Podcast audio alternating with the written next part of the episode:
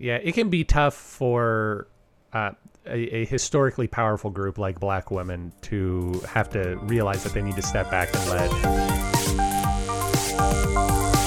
Well, I'm not a crook.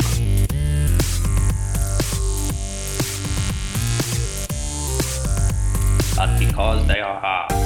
Welcome to Presidential Deathmatch, the only presidential debates that matter. Today's headlines You're going to have to wait for racists. We mess up our own jokes and do your own research. Today on Presidential Deathmatch, we talk about independence from the latter half of the 20th century, which I'm told is one of the top two halves of the 20th century. All that and more on today's Presidential Deathmatch.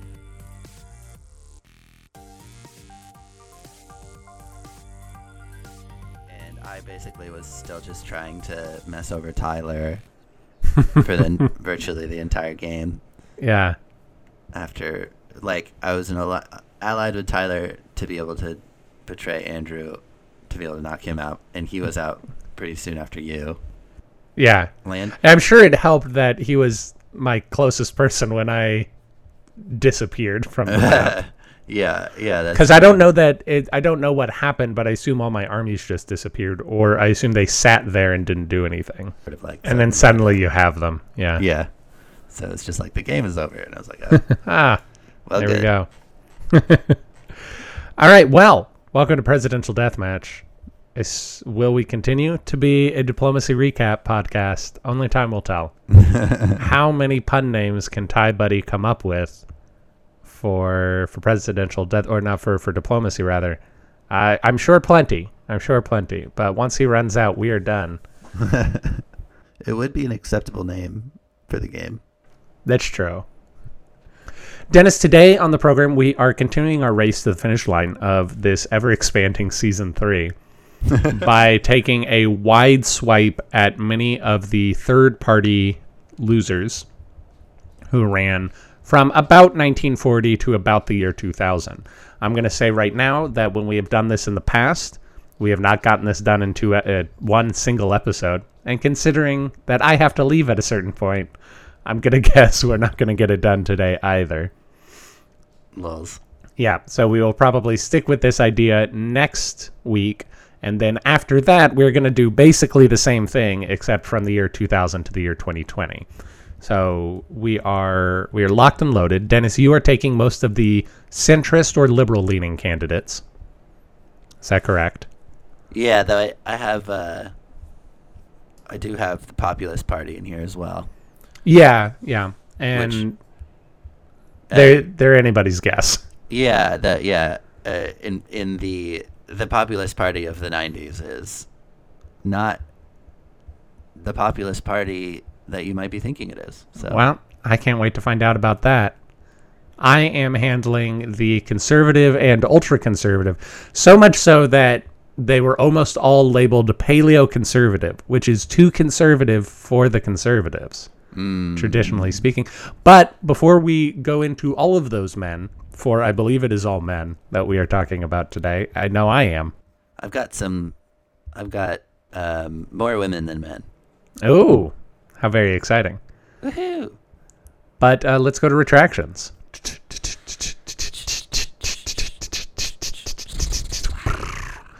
Uh, this is a retraction from a while ago because Dennis, you and I haven't spoken in a bit. But on a podcast hosted by former guest Andrew Heaton, future guest Justin Robert Young was quoted as saying that Texas Monthly is one of the last bastions of great magazine journalism with a capital J.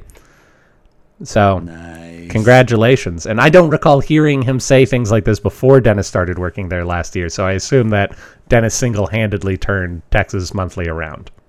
Yeah. It was all about that uh making that dining guide a little more intuitive. Yeah, exactly. And that lets the journalists really free up their brains. Yeah. Dennis, did you add these other items? I added George Wallace in History of the World Part 2. Have you I've not seen that yet. seen I, it? I do want to. You made a joke in the episode about um George Wallace, the comedian, and how you were going to get into it, and then you were Yeah. like, "Just kidding." Unfortunately, it's this very racist man named George Wallace. They did that same joke in History of the World Part Two. They have this, Ah, they have um, it's sketch it's sketches that are all just like classic Mel Brooksy. You feel Yeah. like you're going back in time watching it kind of things, which is which is fun. It's very like it's very much uh, got the, an American pastime kind of feel to it.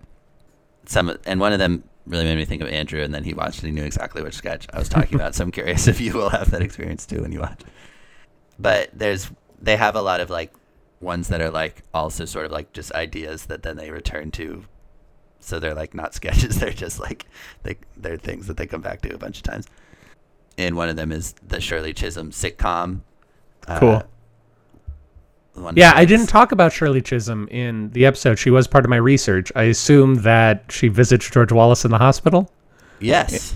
Yes, yes, because that is an event that happened in real life that I did not bring up because uh, the story was already getting long, and I didn't want to explain who Shirley Chisholm was. Yeah, but she she's uh she ran for president, and She ran for nomination, which is why we right. haven't talked about her. She ran for the Democratic nomination in 1972 when George McGovern ended up getting it.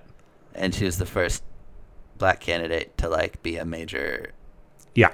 contender. And if I'm not mistaken, she was the first black woman in Congress. I believe that is true as well. Uh, Miss Chisholm played very well in a Hulu miniseries called Mrs. America. I don't.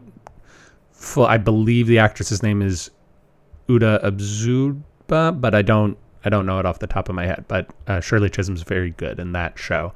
Is Shirley Chisholm played by Wanda Sykes? yeah, Taking okay, that's. I was like, I'm pretty sure Wanda Sykes is in History of the World Part Two. uh, Uza Uzo Aduba. It looks like. Uzo Aduba, yes, who was in Orange Is the New Black. Oh, okay, nice. Mm-hmm. Yeah, uh, but the she goes she goes to visit George Wallace in the hospital. George Wallace. They decide to just have George Wallace play George Wallace. Excellent. That is a perfect choice. Yeah, That Mel Brooks would have approved of. Yeah, so he's just being uh, George Wallace, and it's funny because he's who's a who's like a very famous black comedian from Yeah. long ago. So he's just he's just pretty old, and he's just being doing his thing and saying these lines, and yeah, it's funny. I I very much look forward to seeing it then. And Oh, boy. Yes, I thought it was funny that you made that joke because I was like, ah, Yeah. It's uh it's pretty low hanging fruit.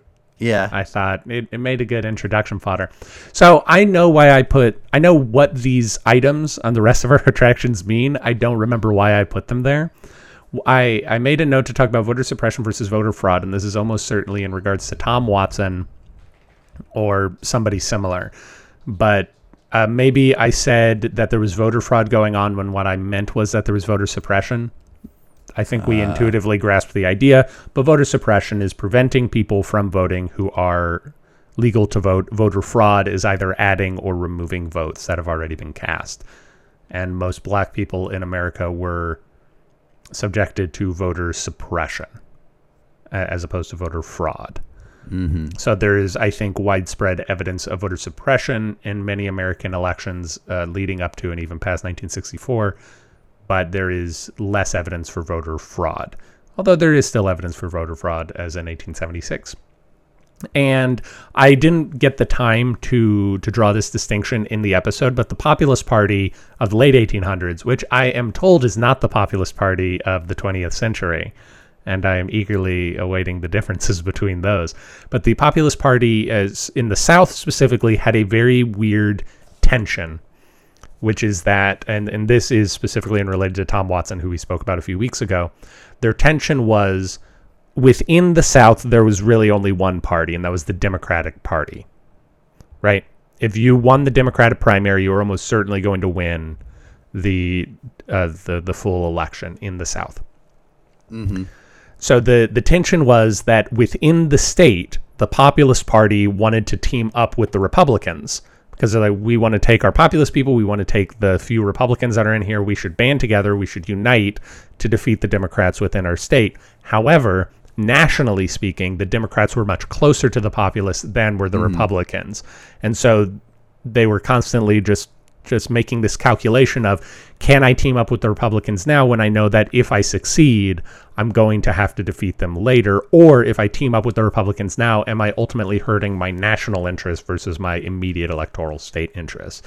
This is a thing that Tom Watson refused to play ball with, other populists did. So he he did not want to make that deal with the Republicans.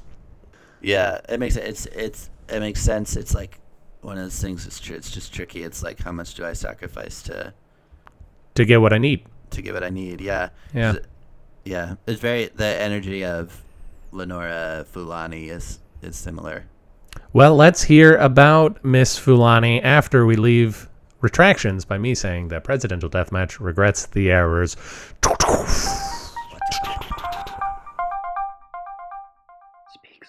But that's a good place to start. Why don't you tell us about Miss Fulani? Sure. Yeah, she's one of the. I mean, all of mine today are like kind of just late '80s, early '90s, like those elections. Yeah, Uh, and I have a lot of 40s to 70s. Nice, cool, sweet. Uh, so yeah, she but she's kind of defined by like the the party she ran with. She's still alive today. She was born in 1950. She ran in 1988, which was So we could theoretically get her on the show. we the, theoretically we could yes, most definitely. So 88. That's when that's when Bush was elected. Mm-hmm. she she ran with the New Alliance Party, which was like as it sounds, its intent was to be the third party that could represent all the people that are underrepresented by the two major parties. Uh, and her whole kind of life was sort of driven by, or and and continues to be like at least I think it's in a much smaller way right now, or she's just part of a New York City party, but it's always been driven by like, it, could we just get a third party to gain national national recognition? Like, we need to get everyone to team up for a third party. Everyone who needs a third party needs to team up. So Can I pause you for a second? yeah, So this is interesting, especially the idea of new alliance, because back in 2020 there was another group called the Delta Party, which had much the same idea of we want to coalesce. They were less uh, representing the underrepresented, and to an extent, and more an explicitly centrist party. They said we've got a lot of third parties that think that both the Republicans and the Democrats are too extreme, either being conservative or liberal. We want to represent the centrists. We believe that there are a lot of centrists and, so that that idea is still alive and well. And also, you mentioned that uh, the New Alliance Party is currently something of a New York only party, New York City only party. New York actually has very permissive party registration rules, which is why we see a lot of proliferation of third parties in New York State. It's hard Oh, to get on the yeah, it's hard to get on the ballot, but it is easy, especially after the pandemic. But it is easy to register with the state as an official political party, as long as you don't care about actually getting elected. So yeah, like the current party that is called the Independence Party of New York, the New Alliance Party was uh, was kind of at the peak of her national recognition when she ran for president, and she was actually the first woman to be on all the ballot in all 50 states, Awesome. and the first black person. And that was in 1988. In all 50 states, really? Oh, I Uh, guess that would make sense. Yeah. Very That's neat. what, it, that's what it said in the in the thing that. Yeah, then- no, I, I believe you. I, I was just quickly going through my head.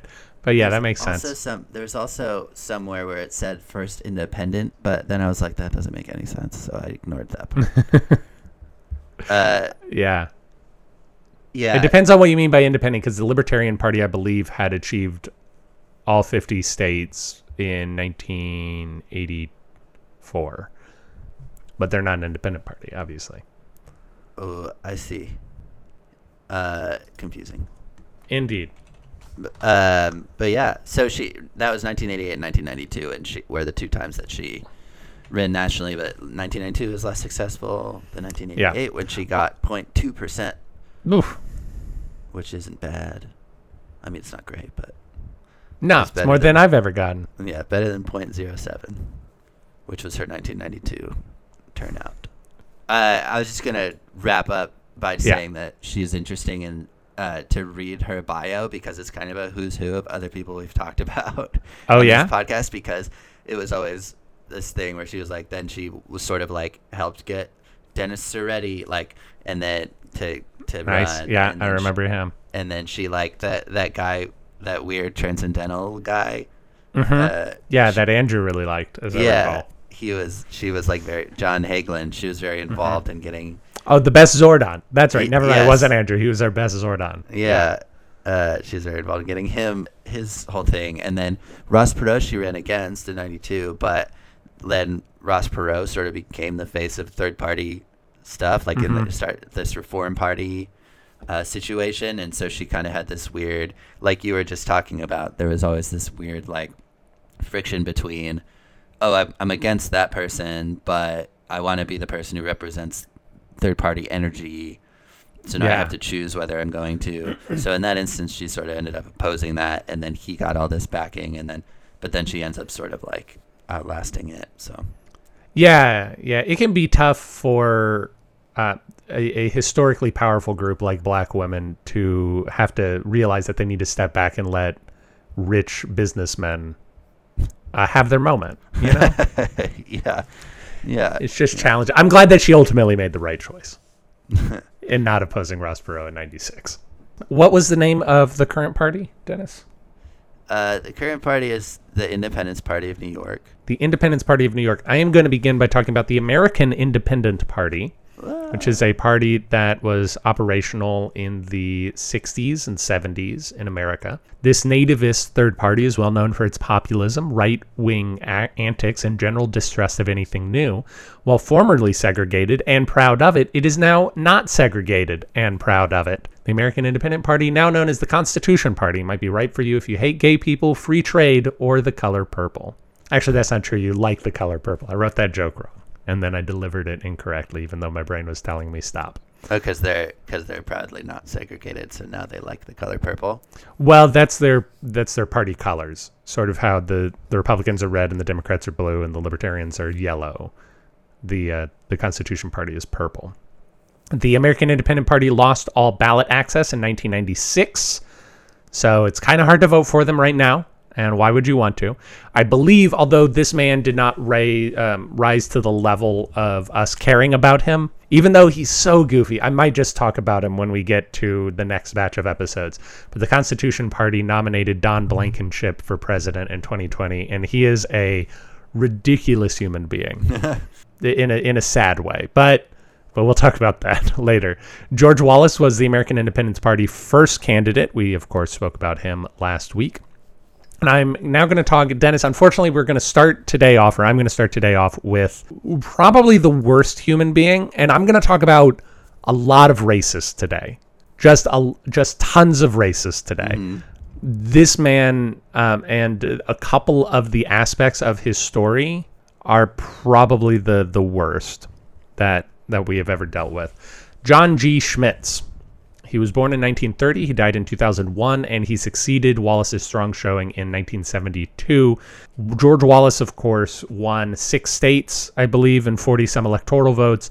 Mr. Schmitz got less than 1% of the votes. That was quite a fall for the American Independent Party when they nominated John G. Schmitz. The most enlightening thing which can be said about Mr. Schmitz is that he was expelled by the John Birch Society for Extremist Rhetoric. Dennis, you know who the John Birch Society is? No, just imagine Marjorie Taylor Greene and uh-huh. wind it back to the 1960s. That's the John Birch Society. So those people didn't want to be associated with John G. Schmitz because he had too much extremist rhetoric, which we'll get into a little bit later. His political goodness. career ended in 1982 upon the revelation that he had an affair and children with one of his former students. He was a longtime congressional representative from California. In 1972, he was primary due to not supporting President Nixon enough. So he was a Republican and he had a lot of bad things to say about President Nixon, and so the Republican Party primaried him out in 1972. His anger at being primaried out in 1972 caused him to run for president in that year, which he did considerably worse than Wallace's run four years earlier.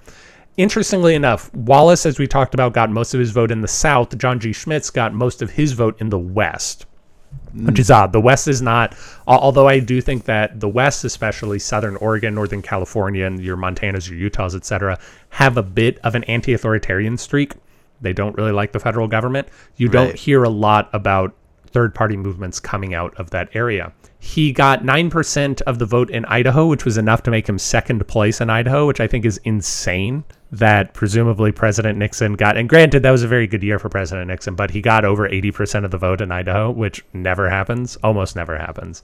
Following the loss of the presidency, he returned to the California State Senate, where he chaired anti abortion hearings and a series of incidents with dastardly feminists caused his office to issue a press release reading Senator Schmitz and his committee survive attack at the Bull Dykes. And the text of this read, uh, at least in part, he described the hearing room is filled with hard Jewish and arguably female faces. It was the fallout from this incident, and it went back and forth quite a bit that got him expelled from the John Birch Society. Uh, he ended up fighting with a, uh Gloria Allred or Aldred, who's a, a major feminist uh, during that time and still. And it, it was a mess, and it did not turn out well for him. So now we're going to get to the the rough stuff.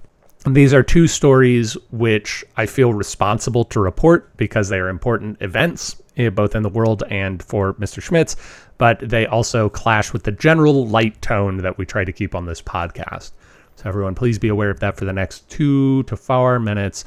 We're going to be talking about sex abuse and bad parenting. After the loss of clout from the committee debacle, Schmitz said he would run for nomination to the U.S. Senate in 1982. In early 1982, an infant was brought to an Orange County hospital for an injured penis. The operating surgeon found a hair tied tightly in a square knot. Dennis, you know what a square knot is? I don't think so. Okay, so you know how when you're tying your shoe, you cross the laces and and pull, Uh-huh. right? You do that twice, and that's called a square knot. And basically, the second of those keeps the first one in place. Uh-huh. So it's it's a quick thing that we do in theater sometimes that can be undone. It's strong, but it can be undone quickly. So the operating surgeon found a hair tied around this child's penis in a square knot, and according to the surgeon, the way that it was tied, it seemed as though it was done deliberately until the penis was almost severed on this infant child, less than one year old. Yeesh. Now the baby recovered, thankfully. Authorities threatened the baby's mother that they would take the baby away, as well as her older daughter, if she didn't reveal who the father was, because they suspected child abuse, which I think is a reasonable assumption in this particular case. She pointed to Schmitz, a former teacher of hers. During a custody hearing, Schmitz acknowledged that the baby in question, as well as the older sister, were both of his children, but that he would not financially support or be otherwise involved in these children's lives. He said, She's going to take care of it. I don't care. This ended both Schmitz and his wife's political careers. His wife was a conservative commentator known as the Western Phyllis Schlafly. The couple briefly separated during this incident before reconciling later. Now, all of that, he was eventually cleared of any suspected wrongdoing, and I don't believe that they they found any evidence to say that someone did do this deliberately, although it was still said this looks like it was done intentionally. Uh, so that's bad enough, but now we're going to get to the really rough stuff about this particular story and this particular man, John G. Schmitz. In 1994, the mother died, and Schmitz refused custody, saying, I don't want these kids, leaving his wife to place them with a famous astrologer friend. When that astrologer died in 1997, Schmitz again refused to accept custody of his children, and the children became wards of the state. And from there, they disappeared into the system, all of which I think is really atrocious Yeah. quite frankly. Now, under normal circumstances, that would be a bad enough taste to end on, but unfortunately, we're not done. Schmitz had several acknowledged children, including the two that he didn't. Two of those children, uh, John G. Schmitz Jr. and Joe Schmitz, worked in the Bush presidencies and the Reagan presidencies, both of the Bush presidencies as advisors, security advisors, and uh, things of that nature. However, another one of his children is Mary Kay Letourneau, which is a name I often heard growing up because she had an affair and a statutory rape of one of her 12 year old students. Went to jail for a long time, eventually married that student, had several children by him. Uh, all of which is to say that this is a fairly rough family, Yeah. I think. She died, Mary Kay Letourneau died in 2020, about 19 years after her father. Thankfully, like I said, we're starting with the worst one. That is that is the roughest story, unless you really dislike the Klan, in which case maybe skip my portions of the episode because most most of my candidates are involved with the Klan in some form or fashion. Uh, Dennis, do you have someone else to, to speak about? It's right- like I was telling you before that one of some so half of the folks I have left fall into more of your camp because the Populist Party was secretly actually used interchangeably with the America First Party. Oh, the America First, which I will also talk about. So why don't you why don't you give us uh, a populist party, and I'll give you the first America First Party. Okay. Yeah, so this was it was the Populist Party that was alive from 1984 to 1992, 93. So just that stretch. Mm-hmm. And in 1984 was when they put uh, when they established it and put up Bob Richards for Mhm. president and he was the he was a pole vaulter Olympian, famous for being on the Wheaties box in the '60s. Finally, someone with experience. Yes, and uh, yeah, when when one thinks of the like athlete, famous athlete on the Wheaties box, that kind of was Bob Richards. At the it, he is the OG kind of, uh, Yeah. and that became like a really big thing, and so he was very famous, basically from that. Um, but yeah, they they put him up for the Populist Party, and it was, uh, I think, pretty like at that time a conservative party. I, I imagine sort of what you would think maybe uh, that would be was just very like traditionalist and stuff. Mm-hmm. It got to be more intensely conservative and white nationalist in the next election because that's when they put up David Duke Yep.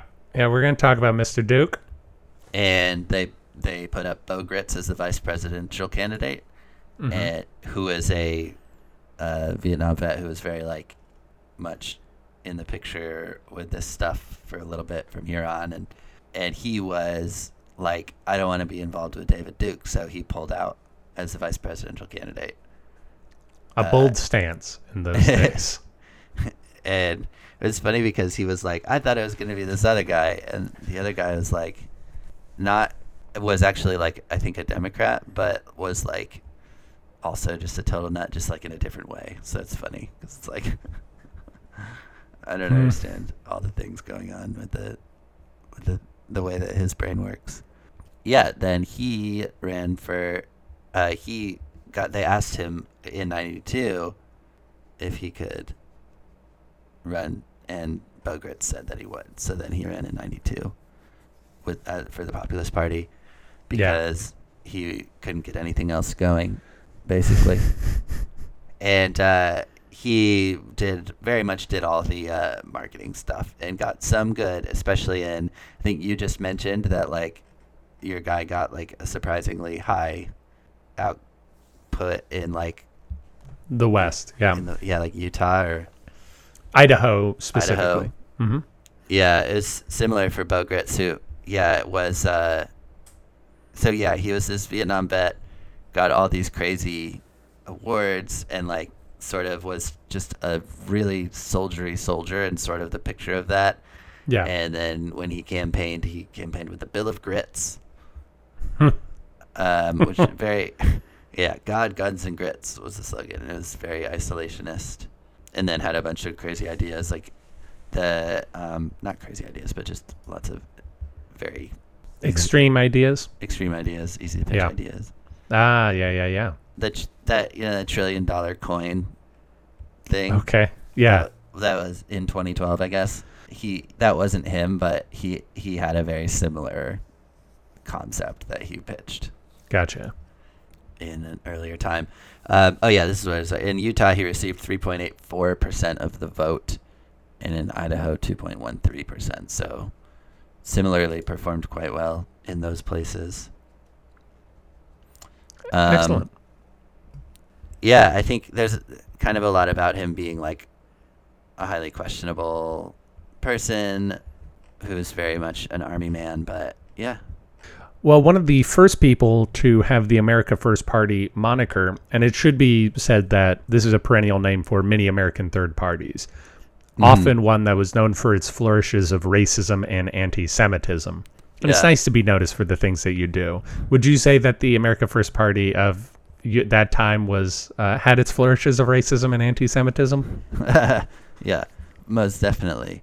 Uh, but it is Okay. funny that it's like because it's like the Populist Party is also a perennial party, and right. It's just this yes, weird it is a very common name Is like they're like that it coalesced. Yeah, they're like Incidentally, Constitution Party is also a fairly Yeah. regular name for American third parties, or states' rights occasionally. They're just some ideas that we like to play around with.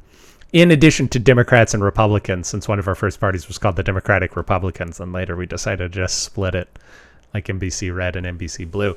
Now, the America First Party, apart from what Dennis just told us, is somewhat unusual in that only one of its earliest candidates rose to the level of our notice for this program. However, since compiling the list, he has dropped off, and it was very difficult to find any information about their first presidential candidate, John Mahouchik. In fact, it was easier to find out information about their vice presidential candidate, Irv Homer, than it was for the presidential candidate, John Mahouchik, because Irv Homer was a radio producer and a radio DJ, and so he had a lot of information out there. But I did manage to find out some things about Mr. Mahouchik, and now you will get to, to learn from that. I will say that the only source I found on his life was a 2017 article from weirdnewjersey.com, which I'm sure is a very reputable source of information. But you know, it's never good to just go with one source. So I thought I would let everyone know that. I'll also say that the dates given in that article often contradict each other as to when certain things happened. And so I have forged my own kind of path, whereas I, I think this is probably what, what occurred. And and we will leave it at that. Feel free to do your own research on weirdnewjersey.com and John Mahalchik if you would like to. And Dennis, if you want to scroll down to the John Mahalchik node, I have some pictures in there that we'll talk about towards the end. Okay. Starting in 1960, a number of crudely painted signs accusing local and national officials of corruption, being a traitor, and other various invectives began popping up along Route 206 in New Jersey. These signs were the work of Jean Valjean Mahalchik, who was born in 1918 in Pennsylvania, and he was a pilot in World War II. Upon return from the war, he purchased farmland in New Jersey and began to collect an assortment of poorly categorized and poorly supported Army paraphernalia, paraphernalia, including vehicles and unexploded munitions, which he just put on his land and let it litter up his farmland. Running this like a business that he would charge people to come see, but refusing to pay for a permit or, again, safety precautions for the unexploded munitions that he was having people wander around on his land for, Mahalchik ran up against local authorities, and they were the first target of his wrath. Basically, he was angry at people saying he had to shut down his business. Soon, however, President Nixon would get in Mahalchik's sights. Mahalchik lived inside of a giant metal teepee on his land and conducted his entire 1972 campaign via hand painted roadside signs, garnering fewer than 2,000 votes. After the 1976 election, which he also ran in, the older signs from the early 60s, which were not well kept, started falling apart and he retreated into his teepee for good, leaving public life, though not leaving behind the enmity of his neighbors behind for good. He was apparently not a very popular person in the area. Upon his death in the 80s, his land and its contents were auctioned off and cast to the winds. I think the best use of our time is to try and describe these various hand painted signs that he had. Dennis, can you see them? Yeah. So, first of all, I think you'll notice some themes and motifs of his work. He likes depicting people as rats, giant rats with human faces. Yeah. And in Yeah. many of these, all of these photos, by the way, were talking by taken by Irv Homer, his vice presidential candidate. I believe it, it was not explicitly stated, but my guess would be somebody told the shock jock radio producer, "Hey, there's some crazy stuff happening on Route 206."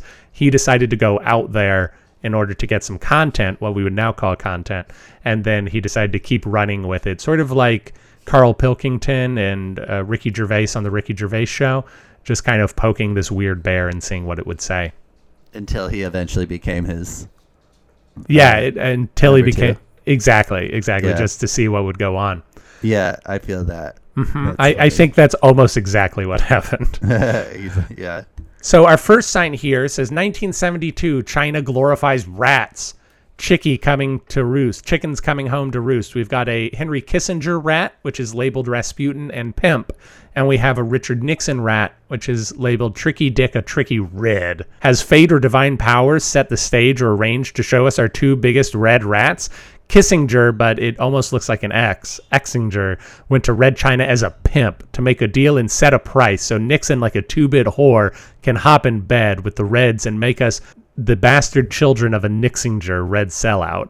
To make America fathers and mothers of sons killed or crippled fighting Reds now pay and reward the Red communist killers of their sons, Nixon and Kissinger, are defectors and now want all Americans to be prostitutes to Red compromise the Nixingerization. Pray to God that the Chinese do the defectors in.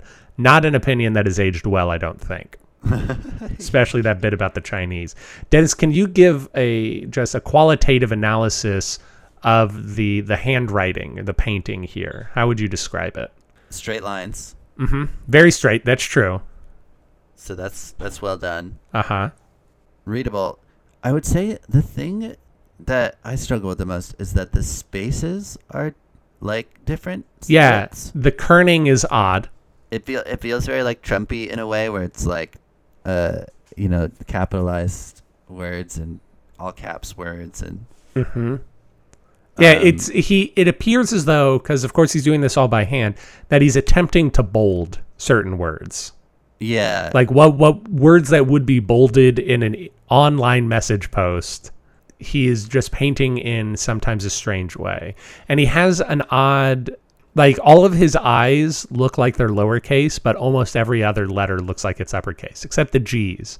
Like if you look at Kissinger on, under our two biggest red rats, right. Both of the I's in Kissinger look like lowercase i's, but the N, the E, the S, and the R are all uh, small caps, what we would call small caps, but the G is a lowercase g. Yeah. Yeah. Always. Like he just not he just doesn't have a capital G in his repertoire. No, no, no. Oh, except pray to God at the bottom, That's true. He made the effort for God, which is nice. which is nice, yeah. Yeah. I like that part at the bottom too. It pray to God that the Chinese do the defectors in. It's like the H's are lowercase as well, and then there's like small caps. But that's the part that Uh-huh. I was like, that's kind of very like Trump language, where it's like because every word is capital capitalized. Every word is capitalized. Some of the internal letters are lowercase. Yeah. Can you tell us what the second sign says? in cadence count 1.2 1 2 sorry in cadence count. 1 2 kill kill hup hup kill kill. Fathers mothers of soldiers in vietnam. While your sons are dying fighting communists and socialists over there it's your duty to fight them here. Kill kill kill. Any commie or socialist you know drag them from their rat holes. Hang them stab them burn them bomb them gas choke strangle drown shoot but kill them all. A rat in the alley is still a rat in your Yeah, and then it's a little unclear because there's a fence in the way. uh, something Yeah, it's still a rat in your pool. pool. Yeah, it does look like pool. A communist, over, Communist there. or a communist here is still a communist. Again, a very extreme opinion, and I, I would like to think that many of us. I would like to think it's the opinion of presidential deathmatch that it's okay to be a communist if you want to be. Yes. Yeah, and that you so. don't you don't deserve to be hung, stabbed, burned, or bombed, gas choked, strangled, drowned, shot for your political belief in that particular way. Mm-hmm. Eh, But but it is an intense intense feeling that Mr. Mahalchik is experiencing. Yeah. I guess it was an intense time. I, only because they were making it an intense time. There, Yeah. There's a hatred. There, there's just this very weird hatred for communism. I don't like communism. I think it's a bad form of government. I don't hate communism, and I don't hate the people who try to make an argument. It's almost as though these people think it is beneath them to try to compete with the idea of communism Yeah. as opposed to presenting like no we think this is why our political system and our economic system is a better choice for safety health longevity etc and then they just flip to no we have to murder. Right. Yeah. you, you get that a lot. My brother doesn't advocate murdering socialists but he does i think go too far with like they're gonna ruin everything. And i go i don't i don't think so man. Yeah, it's it, yeah, it's a, it is. I think maybe uh, part of the part of what you're saying is like, it's weird when when we're talking about ideologies. It's like it Yeah. feels very much like the the court that we're playing on is like about thought and approaches. To yeah like, to like approaches to like s- s- the nuances inside of strategies for like running things and like yeah we're not even close to really being able to like em- employ any of that but it's in, they're interesting things to think about. And then it's like so then how is it like how is this becoming in any way about violence or you know actual combat when like we're not even I will- close to like applying any of these ideologies? And then if we No. did they would really just be about like nuanced differences in the way that we do things Exactly. There's a, a book that came out in 2020, I want to say, called The Constitution of Knowledge, which is more or less the idea of we need to be able to have arguments about ideas that don't devolve into shouting or fighting or trying to silence other people. Because this is really what he's trying to do. He's trying to silence the idea of communism in America by saying that it is fundamentally deleterious to even consider communism as as an idea. Mm-hmm. Which is also just like so deeply un-American. Absolutely. And it's it's ridiculous that that is considered. Dennis, you and I are having some internet problems, and I'm having to go in a few minutes. So I'm going to quickly uh, hit the highlights of this last John Mahalchik billboard, and then we will reconvene next week for more of these these uh, late 20th century independents. So the final billboard we have, and there are a lot of these pictures on WeirdNewJersey.com. I just pulled a couple of them.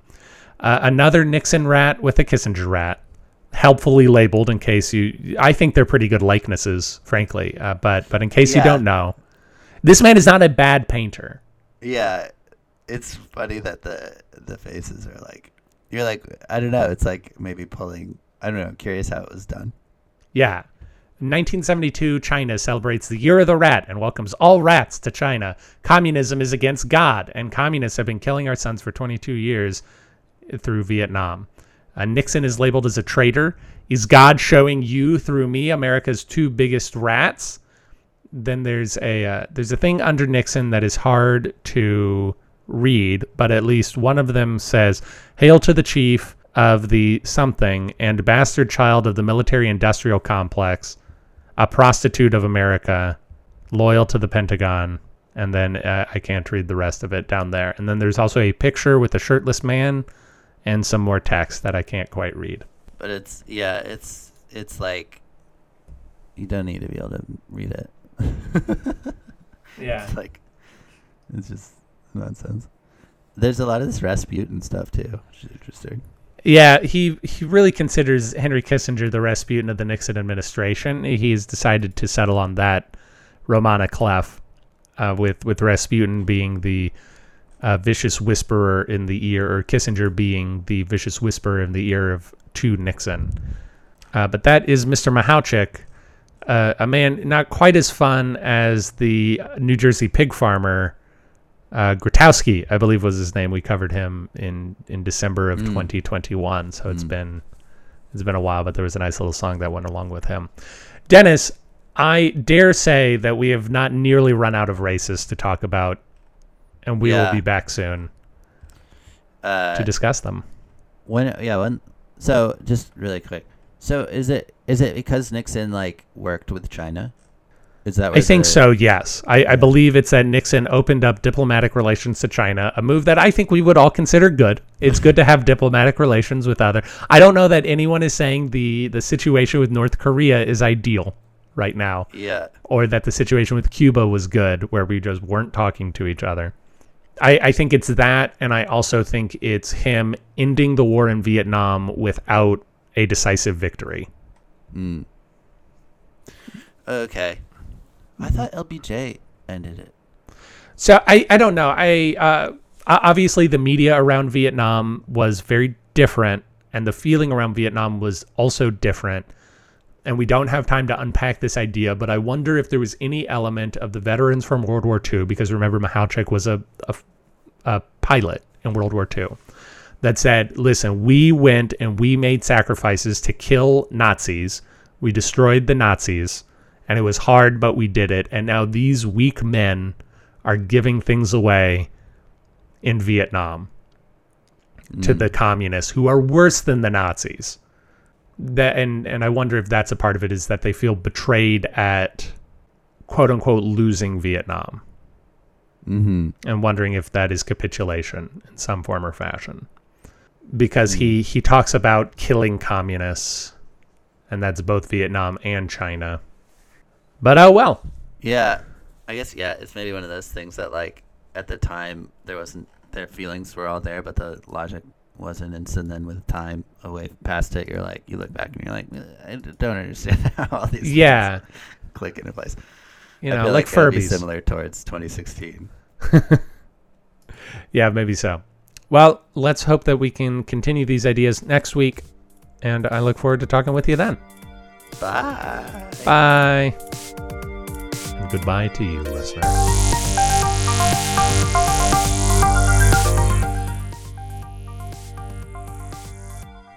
Thank you for listening to Presidential Deathmatch. Presidential Deathmatch is hosted by Aaron Garrett and Dennis Buddy and edited by Aaron Garrett. If you like the show, please consider giving us a review wherever it is. You can do that, we'd really appreciate it. If you didn't like listening to the show, well, why don't you come on back and give us another try? We really grow on you. If you want to reach out to us, you can do that at contact at pronoiatheater.com. You can also support the show in a variety of ways, including at pronoiatheater.com slash store. We hope you enjoyed it, and we hope to hear from you soon.